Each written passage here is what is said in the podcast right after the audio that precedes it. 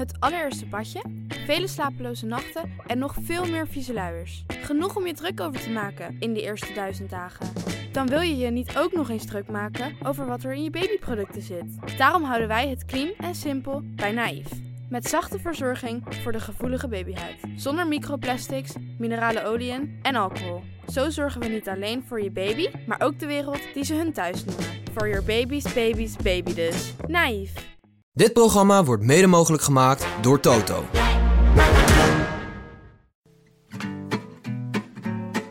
In de kleinste cabine van de Tour, onze bank in Amsterdam-West, is dit de veertiende etappe van de Rode Lantaarn. De dagelijkse podcast van Het is Koers.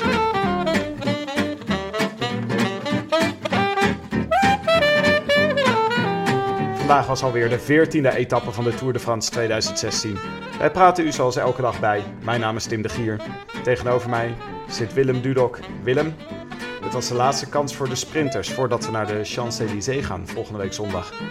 Zeker Tim, dat hebben we gemerkt, want uh, het werd een, uh, een saaie etappe.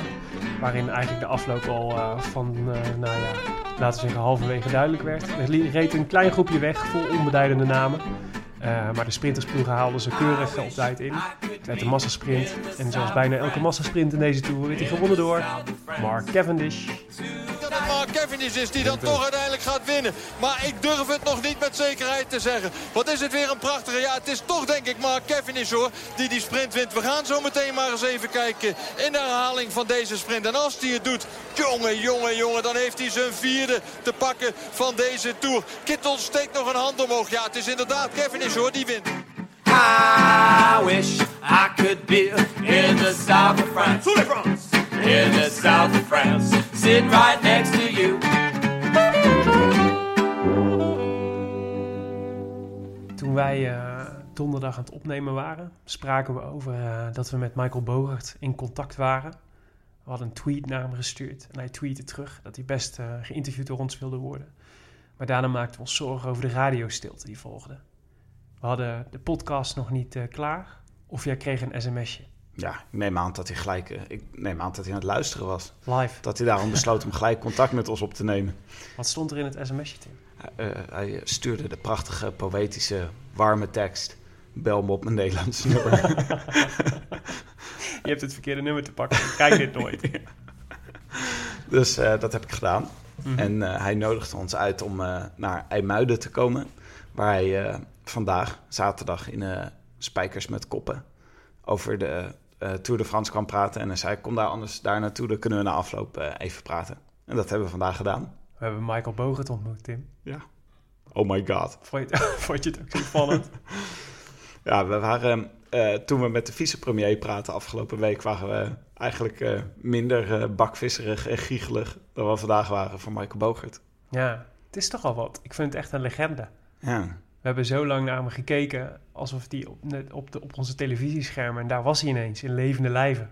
Ja. En wat een aardige gast. Ja, hij was heel erg aardig. Hij was een beetje, hij was een beetje zagrijnig, omdat uh, volgens mij het optreden bij uh, Spijkers met Koppen niet helemaal geworden was wat hij ervan hoopte. Nee, ze hadden gezegd dat hij, uh, dat hij een uur in de uitzending zat. En daar was hij helemaal voor uit België komen rijden. En uiteindelijk bleek het vijf minuten.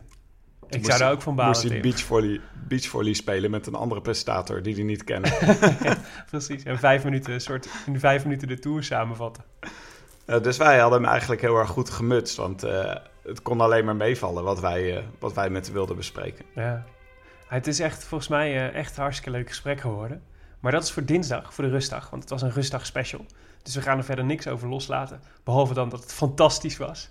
En dat we ons misschien hier en daar als een bakvisje hebben gedragen. Ja. Maar dat moet u ons maar vergeven, want we zijn fan. Ja, oké. Okay. Dus dinsdag meer.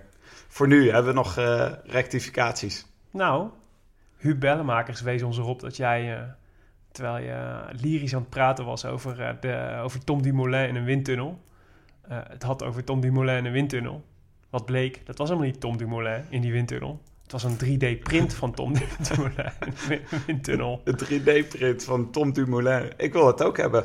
Zo eentje voor naast de bank. Dat die nog niet op de markt zijn. 3D-prints van Tom Dumoulin. ja, of gewoon, ik, ik wil gewoon zo'n 3D-printer hebben. Dat ik eentje kan uitprinten wanneer ik wil. Stel je voor dat je gewoon een Tom Dumoulin knuffel hebt. Ge 3D-print. Zo lekker fluffy om naast te liggen in bed. Die eh, naast de In ba- tijdrithouding. ja, die je gewoon naast je kan zetten terwijl je naar een etappe aan het kijken bent. Dat je hem zo af en toe over zijn rug kan aaien als er, iets- als er iets spannends gebeurt. Maar er is dus waarschijnlijk een AJO op de TU Delft die precies dit heeft gedaan de afgelopen donderdag. Met de 3D-print van Tom Dumoulin op de bank heeft gekeken. Die acht- 48 3D-modellen van Tom Dumoulin in zijn woonkamer staan. Lijkt me dat te gek, zeg. En eh, we hebben nog één aanvulling. Namelijk, jij noemde in jouw rode lantaarn slash glazen bolcup voorspelling Julien Alaphilippe. Goh, dat was een slechte voorspelling. Vooral omdat na onze uitzending bleek dat Alaphilippe heel hard gevallen was in de tijdrit. Ja. En eh, normaal gesproken zouden we dit niet noemen, behalve dan om, vanwege het feit dat daar een fantastische foto van bestaat, die je onmiddellijk zou moeten opzoeken. Waarop het lijkt alsof eh Ali Philippe eh, drie meter hoog tegen een rotswand wordt gesmeten met zijn, eh, met zijn eh, tijdritfiets. Ik kon Door geen, een groot monster wat uit de vallei is opgedoemd. ik kon geen beelden ervan vinden, wat des te meer bijdraagt aan het... Ja, geen bewegende het beelden, nee. Dus alleen, alleen die foto. Maar die is volgens mij ook wel redelijk rondgegaan op Twitter. Dus mocht je hem nog niet gezien hebben, ga die vooral even kijken, want die is te gek. Het is een beetje lullig, hè, vallen tijdens de tijdrit. En vooral spectaculair vallen Maar tijdens de tijdrit. hij is gewoon weggewaaid. Had een dicht wiel en eh, hij kreeg een soort zijwind. En toen, eh, toen werd hij weggeblazen. Ja, nou oké. Pretty Ja. nasty. Ja. Eh, we hadden ook nog een oplettende luisteraar die ons erop wees dat we het de hele tijd over Thomas de Gent hebben met een kleine letter D. Maar Belgen die schrijven alles met een, met een hoofdletter. Dus ook Tim de Gier zou het in het, in het Belgisch, in het Vlaams, zou het ook Tim de Gier met drie hoofdletters zijn. Dus we moeten Thomas de Gent ook met drie hoofdletters Maar- schrijven. Maar dat hoor je toch helemaal niet? Als ik Thomas de. Je hoort toch niet dat ik met een hoofdletter praat? Nee, Zonder hoofdletter. nee, maar we hadden dus in... in eh, en onze- de begeleidende tekstjes hadden we dat geschreven. Oh, sorry. Kijk, dat zijn de echte oplettende luisteraars, hè Willem? Oké. Was het je schoonvader toevallig, Tim? Nou, dat zou kunnen, maar daar wil ik geen uitspraak over doen.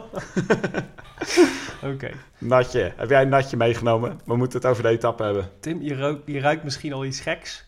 Dat is mijn natje. Ik dacht, eh, na, na deze week vol alcoholische versnaperingen... en eh, waarbij we toch eh, het echt eh, zo'n beetje alle alcohols van de wereld hebben gehad... en jakmelk, dacht ik, we moeten weer even iets gezonds doen. Even ontslakken. Dus ik heb een, eh een brandnetel kamille smoothie voor je gemaakt... met een vleugje kokosolie... uit het, eh, uit het nieuwe boek van Rens Kroes. Wat, wat ken je me toch goed? Het staat bovenaan de Bruna top 10. Dus ik dacht, dit moet goed zijn. Wat is ontslakken? Weet ik Doen- niet. Ja, Doen mensen dat? het, ontslak, het- wil je weten, ik weet niet waar het voor staat. Maar het betekent dat, het, eh, dat je de, de giftige stoffen weer uit je lichaam verdrijft. Het klinkt als iets wat eh, Michael Rasmussen deed. Ontslakken. Enorm ontslakken. Even een ontslakking, ontslakkingskuurtje bij een Spaanse arts. Goh, deze etappe, Willem. Ik kan wel een smoothie gebruiken hoor. Om hier doorheen te komen. Dit is toch gewoon gek dat je zo'n etappe plant op zaterdag. Terwijl dat de dag is dat de meeste mensen gewoon overdag naar de Tour kunnen kijken. Ja. Ben ik nou gek?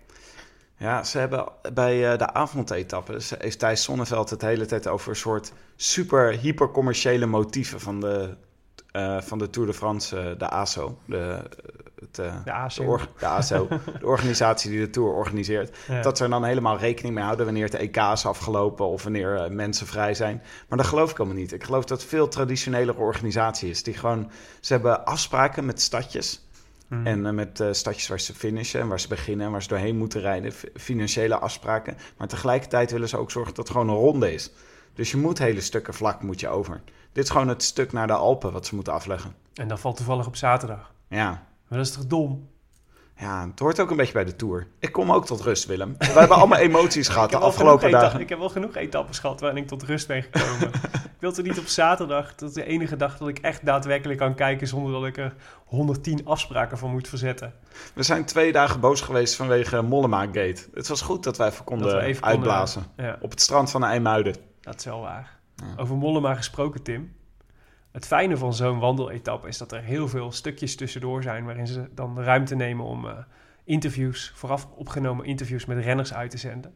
En ik zat, eh, wij zaten op, naar de Belgen te kijken. En eh, daar liet ze een stukje zien van Chris Froome, die zich uitliet over eh Bauke Mollema. Nou weet ik dat jij net een jaar in Amerika hebt gewoond. En, Dus jij- ik spreek uitstekend Brits.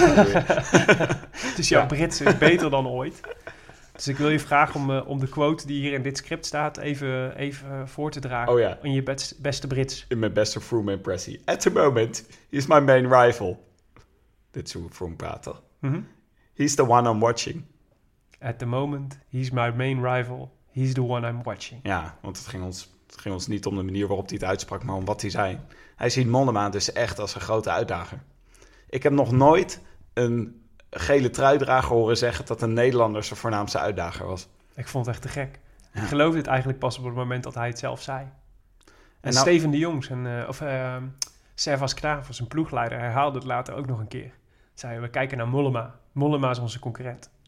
Maar Mollema was ook gewoon de enige die eh Froome echt in gevaar kon brengen. Zijn demarages, de demarages van Mollema waren veel gevaarlijker dan de demarages van Quintana. Ja, ja dat is waar. Te gek zeg, Mollema. Maar denk je dat hij, dat hij echt daadwerkelijk een uitdaging is voor Froome? Ja, wat zouden ze gaan doen? Volgens mij zijn er twee scenario's. Hij gaat of hij heeft echt zoveel vertrouwen dat hij Froome gaat aanvallen. Scenario Of- 1, Scenario 1. Of hij gaat zijn tweede plek verdedigen. scenario 2. Ja. Maar ik denk, ik denk dat, ze, dat ze serieus met scenario 1 bezig zijn. Ja? Ja, want hij voelt zich gewoon heel erg goed. Hij heeft heel erg veel Maar zelfvertrouwen. het is wel een... En Froome is niet zo goed. Maar, Froome staat, ziet er niet goed uit. maar hij staat wel nog steeds gewoon best wel ver achter, hè? Wat is het, 1,50? Ja. En er komt nog een klimtijdrit. Uh-huh. Maar ja, hij heeft gisteren een hele goede tijdrit gereden. Het zijn toch altijd die tijdritten die een beetje laten zien hoe goed je echt bent. Ja. Dus of je niet alleen maar je, je karretje in kan haken, maar of je echt zelf goed bent. En die tijdrit ging zo goed gisteren. Maar wat zou, een, eh, wat zou het meest wenselijke scenario zijn voor Mollema, denk je? Ik denk dat, dat ik, ik kan me voorstellen dat de ploegleiding van, eh van Mollema er ook een beetje op gokt dat eh, eh, Quintana nog gaat aanvallen. Dus dat zou het beste zijn, dat hij de lachende derde is. Dat Quintana, die, is nu, die staat echt achter, die moet wel. Uh-huh. Die gaat waarschijnlijk wachten tot eh, de belangrijke Alpen-etappes die in het laatste gedeelte van de komende week zijn. Ja. Dan gaat Quintana gaat, gaat misschien roekeloos aanvallen of gewoon hard aanvallen. En Froome gaat Quintana niet laten rijden. Die gaat gewoon Vabank.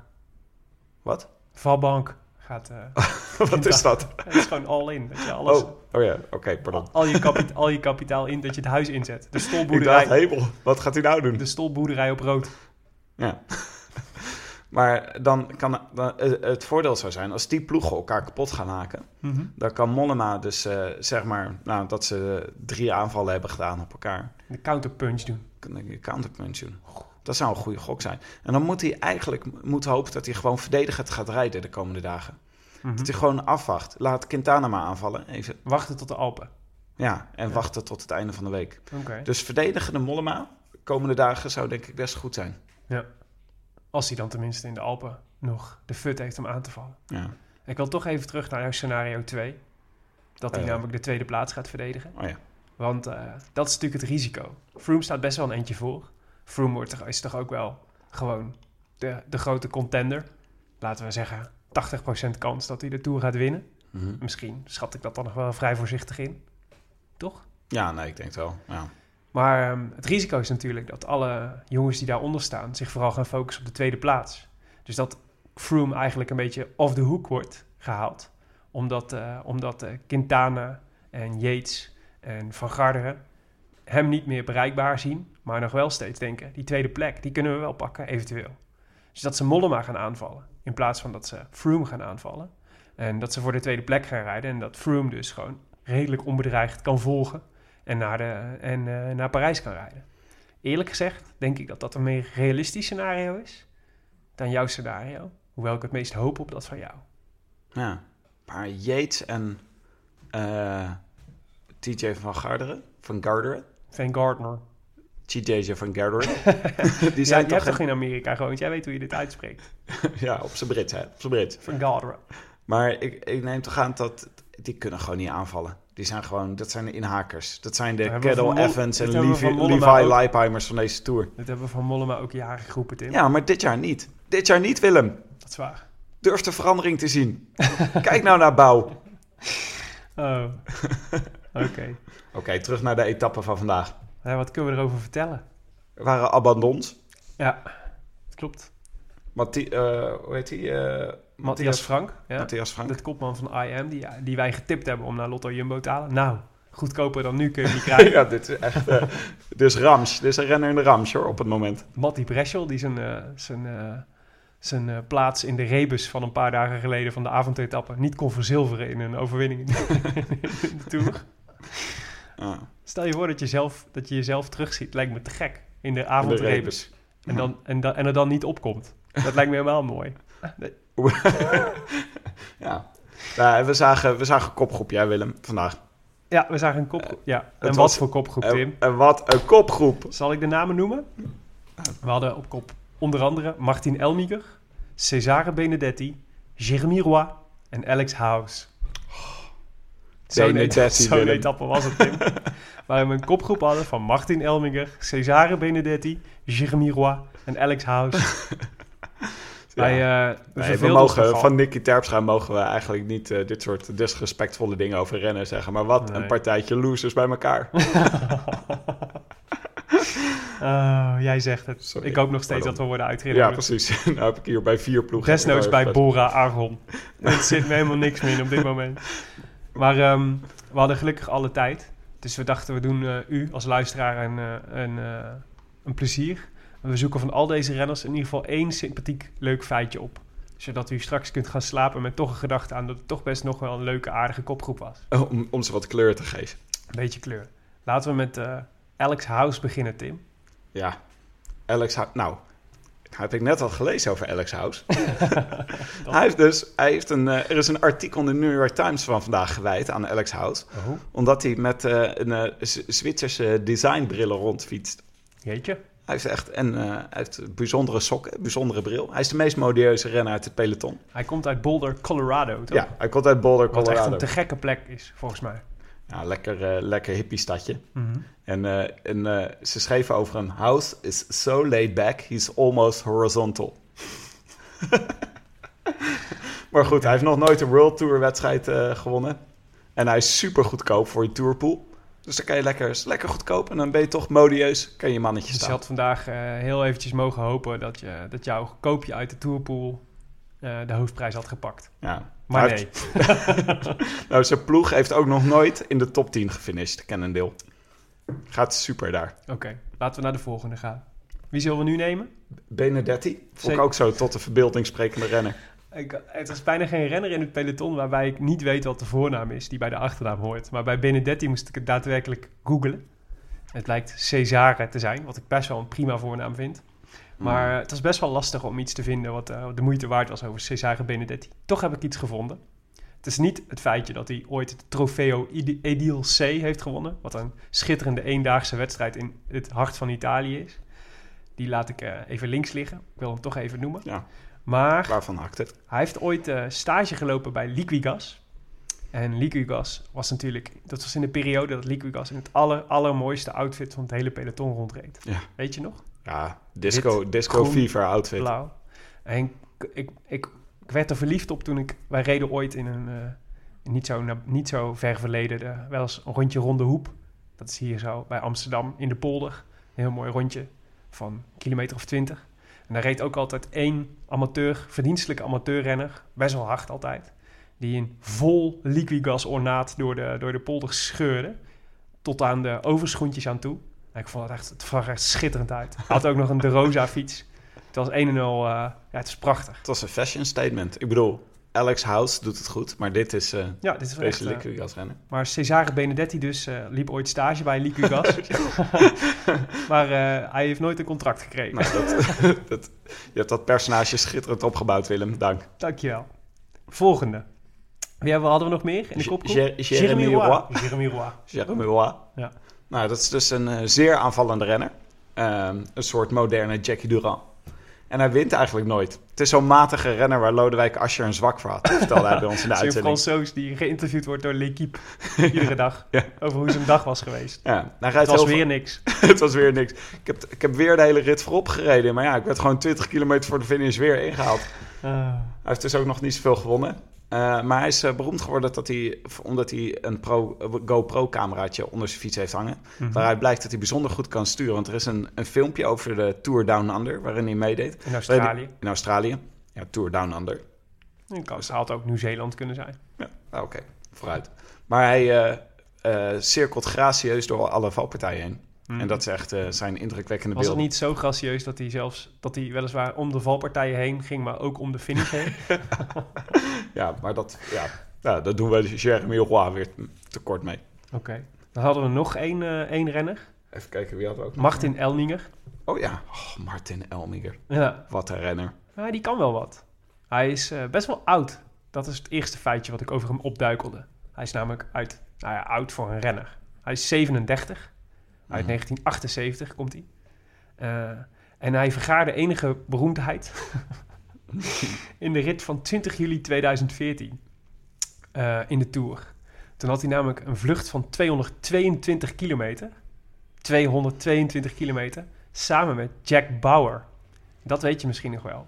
Want dat is de rit Ja, waar eh, de, Dramatisch. de tranen van Jack Bauer, omdat ze 222 kilometer waren gevlucht. En Jack Bauer was over. En hij kwam 50 meter tekort voor de overwinning. En, eh, maar wat weinig, iedereen kan zich Jack Bauer nog wel herinneren. Ook vanwege zijn naam, denk ik.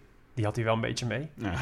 Maar had Martin Elninger eh, Shakespeare geheten, dan hadden we het vast ook nog, hadden we het vast ook nog geweten. Of Hodor.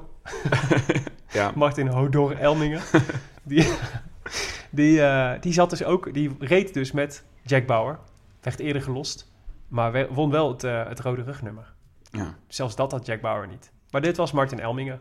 Suggereer Zat- nou dat Jack Bauer eigenlijk in tranen was na afloop... omdat hij 222 kilometer naast Martin Elmiger had moeten Moet je rijden? je voorstellen hoe snel ze waren uitgepraat. dat er zo weinig te bekend was over Elminger. Maar weet je wat is het leuke is aan deze kopgroep, Willem? Ze haalden het natuurlijk niet. ze werden kleurloos, roemloos werden ze ingehaald. Ja, Ook nog best wel vroeg. ja het was echt een vlucht van niks eigenlijk. Goed, laten we naar de eindsprint. Ja, Of iets voor de eindsprint. Want eh, een paar kilometer voor de, voor de eindsprint zag, zag jij, jij had met jouw scherpe arendsoog, gierenoog. ja mijn Hebben, gier, gieren hebben gieren goede ogen? Nee, Jawel, je moet toch vooruit. kadavers Ja. zien in de... Ja. Oh ja, ja precies. Ja, kadaver observerende oog. Zag jij, eh, zag jij eh, Dylan Groenewegen in één keer het gras oprijden Ja, langs de kant van de weg. Dat is niet waar hij, waar hij hoort.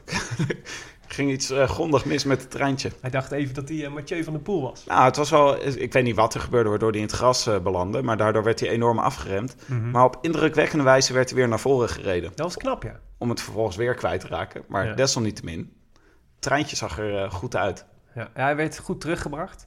Maar ik kan me wel voorstellen dat als je in volle finale nog zo'n eh, achterstand moet goedmaken, dat je dan de power mist. Ja, Gewoon het kost veel kracht. Oké. Eh, maar eh, Dylan Groenewegen, dat, dat werd het vandaag niet. Het werd toch een sprint voor Cavendish. Ja, voor Cavendish. Ja, Kev. oké. Ehm, ja, er zat, het was een beetje gek, eerlijk gezegd. Want hier was een, dus een parcours waar ze eh, een eindsprint verwachten. Die ongeveer echt drie kilometer recht, lang rechtdoor ging. Tot de laatste 50 meter, die in één keer naar rechts afboog. Dat is toch een beetje gek. Want de regel is dus, de sprinters moeten op hun lijn blijven. Ja. En, eh en Cavendish week overduidelijk van zijn lijn af. Maar had ook een beetje te maken met het feit dat dat nou eenmaal de kortste weg naar de finish was. Omdat er een afbuiging in zat. ja, de weg week ook af. Maar serieus, hoe kom je op het idee als jury om na drie kilometer lange, la- één lang recht stuk... nog een soort de finish naar, naar het eerste, de beste flauwe bochtje naar rechts te leggen? Ja. Wederom, een gek, wederom iets geks, Tim, aan deze, aan deze dag. Ik denk dat het een, een zeer commerciële keuze was van de Tourdirectie. Dat ze expres een flauwe bocht hebben gemaakt. Omdat ze weten dat het zo op zaterdagavond rond vijf uur... dat iedereen dan op Twitter zit. Mm, te mokken. Zoiets. Maar ik was zo'n beetje de enige die, was- eh, ik was zo'n beetje de enige, denk ik, die een beetje pissig was. Nou, met Marcel Kittel. Marcel Kittel en ik waren de enige twee mensen die eigenlijk een beetje pissig waren op de move van Cavendish. Ja, dus Cavendish sneed eigenlijk Kittel een beetje af. Nou, hij Maar- sneed hem gewoon af. Ja, maar Kittel had dus niet meer... Het, het, het verhaal was achteraf van iedereen... dat Kittel eigenlijk gewoon niet genoeg... niet meer had. ja, geen snelheid had, niet op de goede plek zat... en dat het niet uitmaakte dat Cavendish hem ook Wat nog... waar is, hij had niet meer gewonnen. Nee, maar toch, ik ben... ik- Maar ja, dat doet er helemaal niet toe. Volgens mij zit ik in jouw kamp. Ik vind Oh. dus gewoon... Nou, Tim, ja, nee, maar ik vond echt dat hij hem eigenlijk gewoon... eh, hij sneed hem eigenlijk gewoon af. En of het nou... Want het narratief van de winnaar momenteel... Het, is, het verhaal van Cavendish is nu de oude Vos... die nog steeds het allerbeste is van allemaal... en F4 bevestigt. Mhm, Who's on the throne? mhm.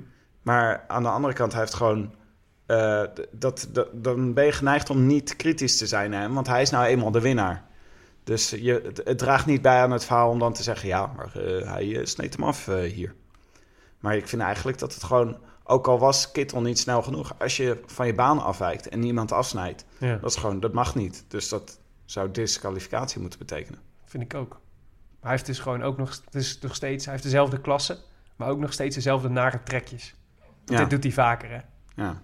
ja, en hij is ook altijd, hij zei na afloop, zei hij, ja, Kittel is gewoon gefrustreerd, omdat ik er al vier gewonnen heb. Ja. Ja, en dat, dat vind ik dan ook een beetje... Je kan, als hij gewoon achteraf zegt van... eh, ja, sorry, ik vind het vervelend voor Kittel. Maar hij zat gewoon... Hij stond tussen mij en de finish. En ik had het nodig om, eh, om te winnen. En ik heb eh, niks tegen de regels gedaan. Dat Ja, zou ik nog dat zal- sympathiek gevonden Dat zal hebben. hij nooit zeggen. Kittel, eh, die backte trouwens... niet- We zagen McEwen na afloop zeggen dat hij niet vond dat, dat, dat Cavendish echt iets fout had gedaan. Waarvan ik denk, oké, die kan het, die weet het beter dan ik. Dus die heb ik, daar heb ik wel vertrouwen in. Maar Kittel was gewoon eh, nog steeds wel pissig. Die vond echt dat hij... eh, hij zei, als ik niet in de rem had geknepen, geknepen dan eh, was ik gewoon onderuit gevlogen. Hij kneep twee keer in de rem ook, hè?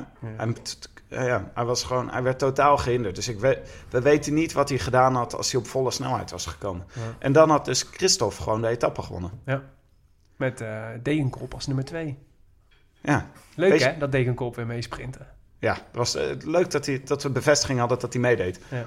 En eh, Sagan, eh, Peter, Peter Sagan, die had gewoon weer de snelste, die reed weer gewoon het snelste van allemaal. Maar die moest wel te ver Bizarre komen. jump aan het einde. ja, te gek hoor. Oké, nou Tim, laat ik het nog even bijschenken. Het is vies, maar wel heel gezond, zegt Rens. Even neus dichtknijpen. Ja, precies. Proost. Dankjewel Tim. Toen naar de Glazen Bol Cup, slash Rode Lantaarn Cup. De winnaar was Mark Cavendish, maar dat had niemand voorspeld.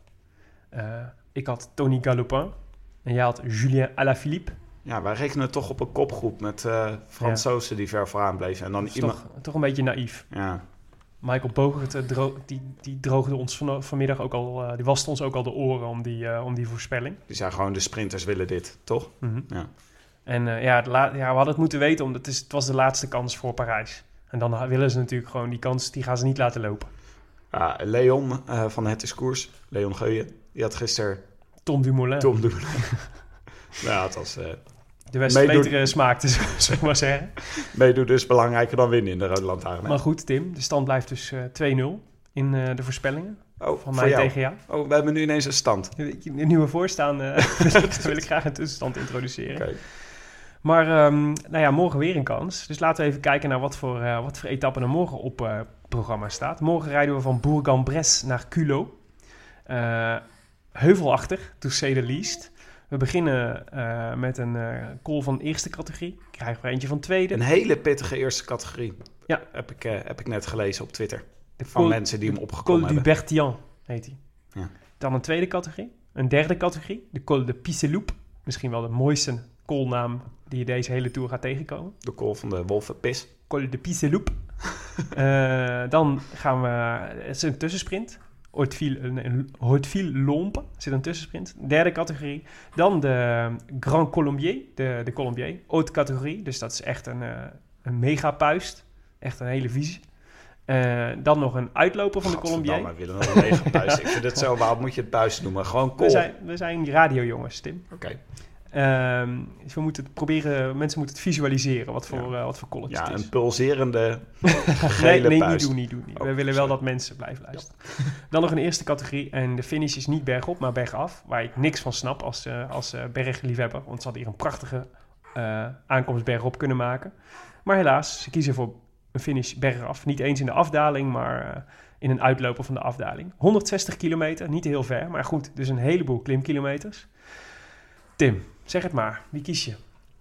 Ah, ik denk, dit wordt er eentje voor een kopgroepje met klimmers.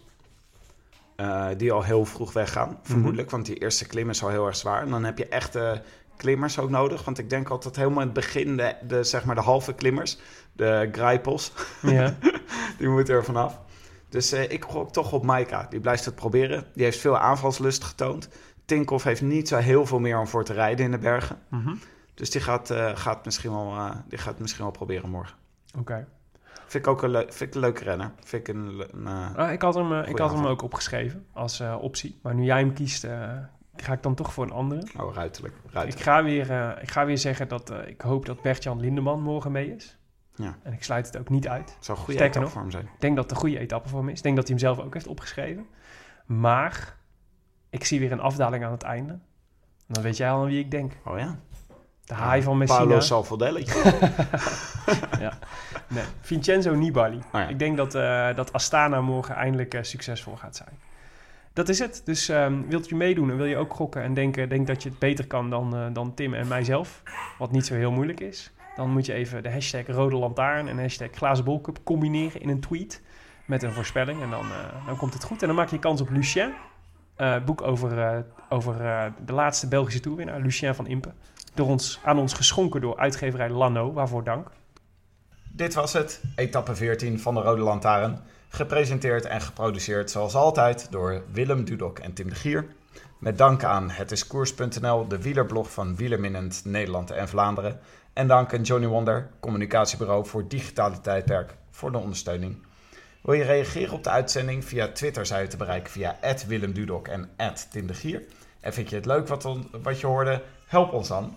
Een eh, recensie in de iTunes Store komt wel zeer goed uit, of een aantal sterren. Hebben we een rijtje, Willem? Ja, bijvoorbeeld eh, Van Meel, die eh, nam gisteren de moeite. En hij schreef, gaf ons vijf sterren. Dat is al fijn natuurlijk. Maar hij schreef ook, ik ben geen wielrenner. Nooit, eh, nog ben ik een tourkijker. En toch beluister ik zo goed als alle afleveringen van de Rode Lantaarn. Waarom? Omdat Willem en Tim samen de, de nieuwe Mart Smeet zijn. Ik zeg, ik koop één Noorse trui samen en stap erin. Mag ik dat zeggen? Tuurlijk mag ik dat zeggen. Tuurlijk mag ik dat zeggen. Van Meel. Samen Emart Smeet. Ik ken Van Meel toevallig. Hij komt ook uit mijn adem. Een prachtige naam van Mil. Fan- Fanmail. Van Mil. Van Meel, ja, dat is het grapje. Oh, Meel verdient Van Meel voor deze prachtige recensie. Dat was het, Tim. Morgen zijn we er uiteraard gewoon weer. Eh, met een bergrit. Leuk, hè? Oh, ik heb er weer zin in. Ik ben er klaar voor. Gezond door deze smoothie. A bientôt, Tim. A biento. I wish I could be in the south of France.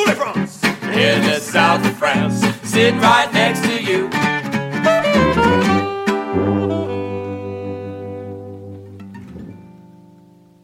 Luister nu naar de Mondkapjesmiljonairs. Een serie over de grootste mondkapjesschandalen van Europa.